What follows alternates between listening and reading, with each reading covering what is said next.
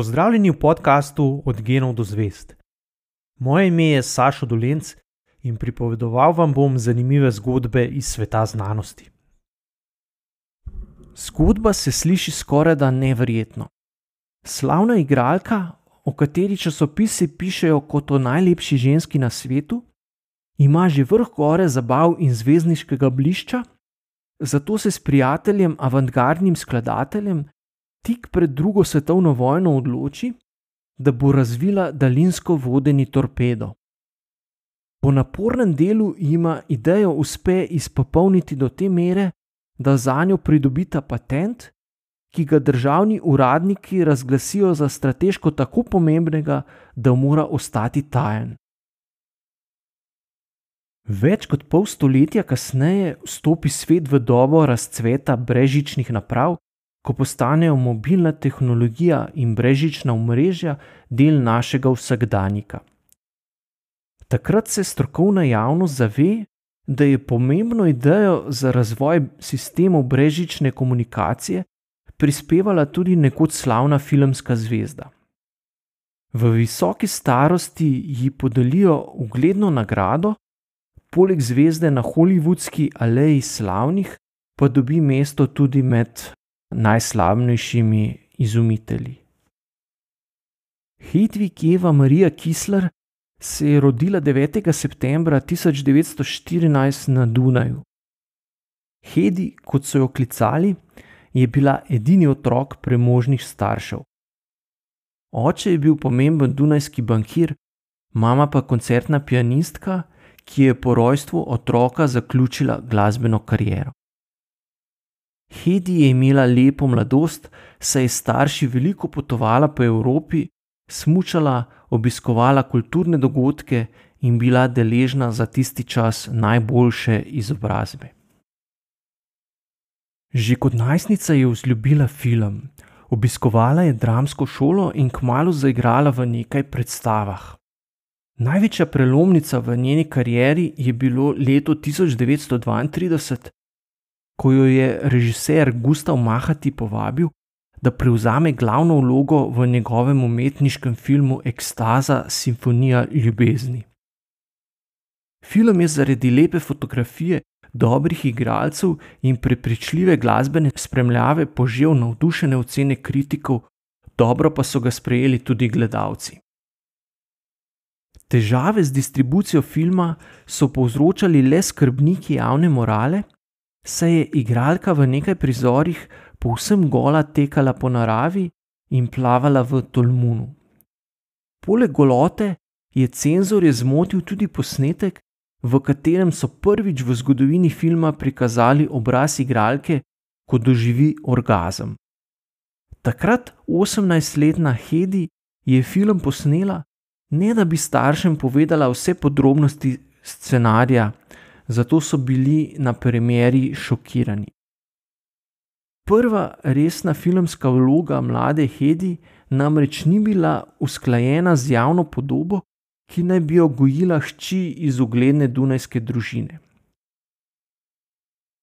Morda tudi iz bojazni, da bi jo visoka družba izobčila, se je odzvala na ustrajno snubljenje Frica Mandla, bogatega avstrijskega proizvajalca orožja. Poročila sta se že po nekaj mesecih prijateljevanja.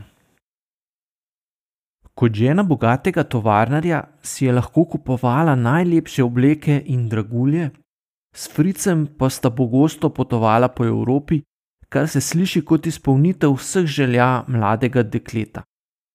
A Hedi je že kmalo spoznala, da je njena lepota pomembna tudi za poslovanje moževega podjetja. Skoraj vsak dan so na večerjah gostili poslovne prijatelje, pri čemer se je od Hedi pričakovalo, da bo igrala vlogo prijazne gostiteljice. Med gosti zabav, ki jih je Fritz organiziral v svojih graščinah, so bili ugledni državniki, vojaki in najrazličnejše slavne osebnosti. Nekoč so gostili tudi Zigmunda Freuda, ob drugi priložnosti pa celo Benita Mussolinija ta je želel pri večerji sedeti tik ob Heidi. Kasneje se je izkazalo, da je poznal njen film Ekstaza, ki ga Fritz dotedaj še ni videl. Ko si ga je končno ogledal, je bil nad prizori svoje gole žene tako šokiran, da je nameraval pokupiti in uničiti prav vse kopije filma, za kar je naslednja leta zapravil veliko denarja. Prav Mussolini pa mu svoje kopije ni hotel prodati za noben denar. Čeprav je Hedi v mandlovih graščinah živela kot princesa, se je vseeno počutila vse bolj ujeto. Mož je postajal vedno bolj ljubosumen, saj je bila magnet za moške poglede, kjerkoli se je pojavila. Ker se je bal, da mu bo šla, je vzpostavil mrežo vohunov, ki so mu natančno poročali, kaj vse počne čez dan. Hedi mu v resnici ni bila zvesta. S Fricevim dobrim prijateljem je poskušala celo pobegniti v Budimpešto, a jo je mož s pomočjo vohunov izsledil in pripeljal nazaj. Kmalo zatem, ko je umrl oče, se je dokončno odločila, da odide z Dunaja. Resno se je lotila načrtovanja pobega, zato je nekaj denarja in draguljev poslala znancem v tujino, sama pa se je, ko Frica ni bilo doma, preoblekla v služkinjo in mimo stražarjev pobegnila na železniško postajo, odkuder se je s transevropskim ekspresnim vlakom odpeljala v Pariz. Tam jo je v hotelu že čakal telegram zveste služkinje, da Fritz prihaja za njo, zato se je takoj odpravila naprej v London. Fritz ji čez rokavski preliv ni več sledil, saj se je takrat že sprijaznil, da je nasilo ne more več zadrževati pri sebi. V Londonu se je Heidi srečala s hollywoodskim producentom in soustanoviteljem studia Metro Goldwyn Mayer, Louisem Mayerjem, ki je po Evropi iskal nove talente. Prvič sta se sestala že nekaj let prej, a ji vplivni producent takrat ni ponudil možnosti karijere v Hollywoodu. Pripričan je bil namreč, da kljub talentu in lepoti v Ameriki za njo ni prihodnosti, saj naj publika ne bi oproščala takšnih zdrsov, kot je golo tekanje po platnu.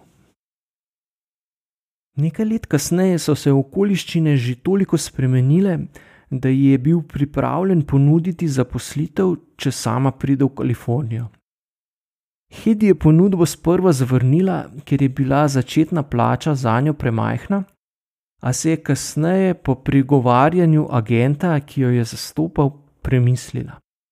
Žal pa je Majer že odpotoval naprej v Francijo, kjer naj bi se ukrcal na ladjo. Ker so bile karte za česoceanko že razprodane, je agent Hedi omogočil, da je potovala kot skrbnica mladega violinista, ki se je vračal domov po evropski turneji.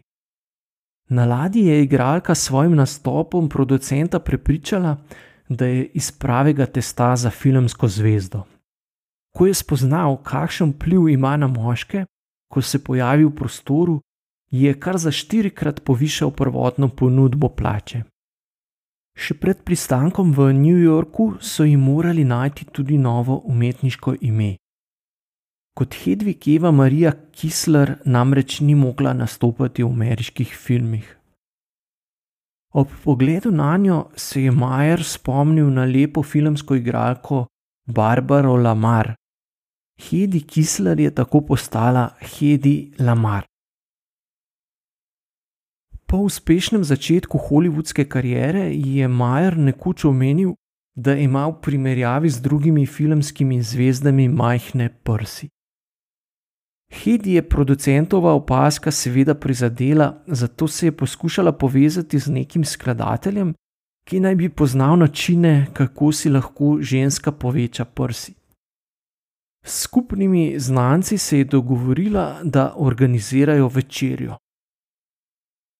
Med pogovorom sta skladatelj in igralka ugotovila, da oba zelo zanimajo tehnične inovacije. Hedi je že v Avstriji veliko večerov presedela za mizo z vojaki in inženirji, ki so razpravljali o najrazličnejših vidikih razvoja novega orožja. Razmeroma dobro je vedela tudi, kaj so ključne težave pri razvoju novih sistemov oborožitve. Prav takrat so časopisi veliko poročali o grozotah, ki jih na morju povzročajo nemške podmornice. Te so potapljale tudi ladje polne otrok, ki so pred vojno bežali iz Evrope. Igralki se je zdelo, da bi lahko iznašla način, kako preko brežične radijske zveze usmerjati torpedo. Takrat je namreč zelo veliko takšnih izstrelkov zgrešilo cilj, saj na njihovo pot, ko so bili enkrat spuščeni, ni bilo več mogoče vplivati.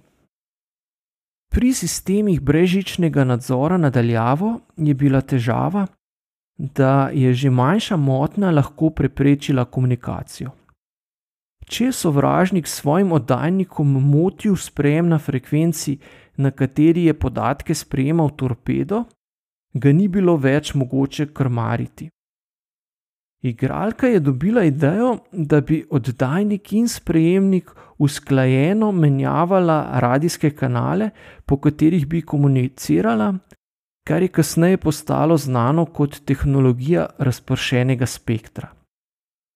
Če bi lahko dovolj hitro usklajeno menjala kanale, komunikacije ne bi bilo mogoče ne motiti in ne zaznati. Konec septembra 1941 je v New York Timesu izšel kratek članek, v katerem je novinar poročal, da se je Hidi Lamar izkazala kot inovatorka. Zapisal je, da je njeno odkritje menda tako pomembno za nacionalno varnost, da državni uradniki ne dovolijo njegove objave. Igralka je imela uspešno kariero in se še petkrat poročila. V enem zadnjih intervjujev je povedala, da je bila najsrečnejša v obdobjih med zakonskimi zvezami. Umrla je 19. januarja 2000 v svoji vili na Floridi. Kot si je zaželela, je sin njene posmrtne ostanke odnesel v Avstrijo in pepel raztresel po hribu nad Dunajem, kjer je preživela mladost. To je bil podcast Od genov do zvest. Moje ime je Sašo Dolence in z novo zgodbo se vam oglasim že k malu.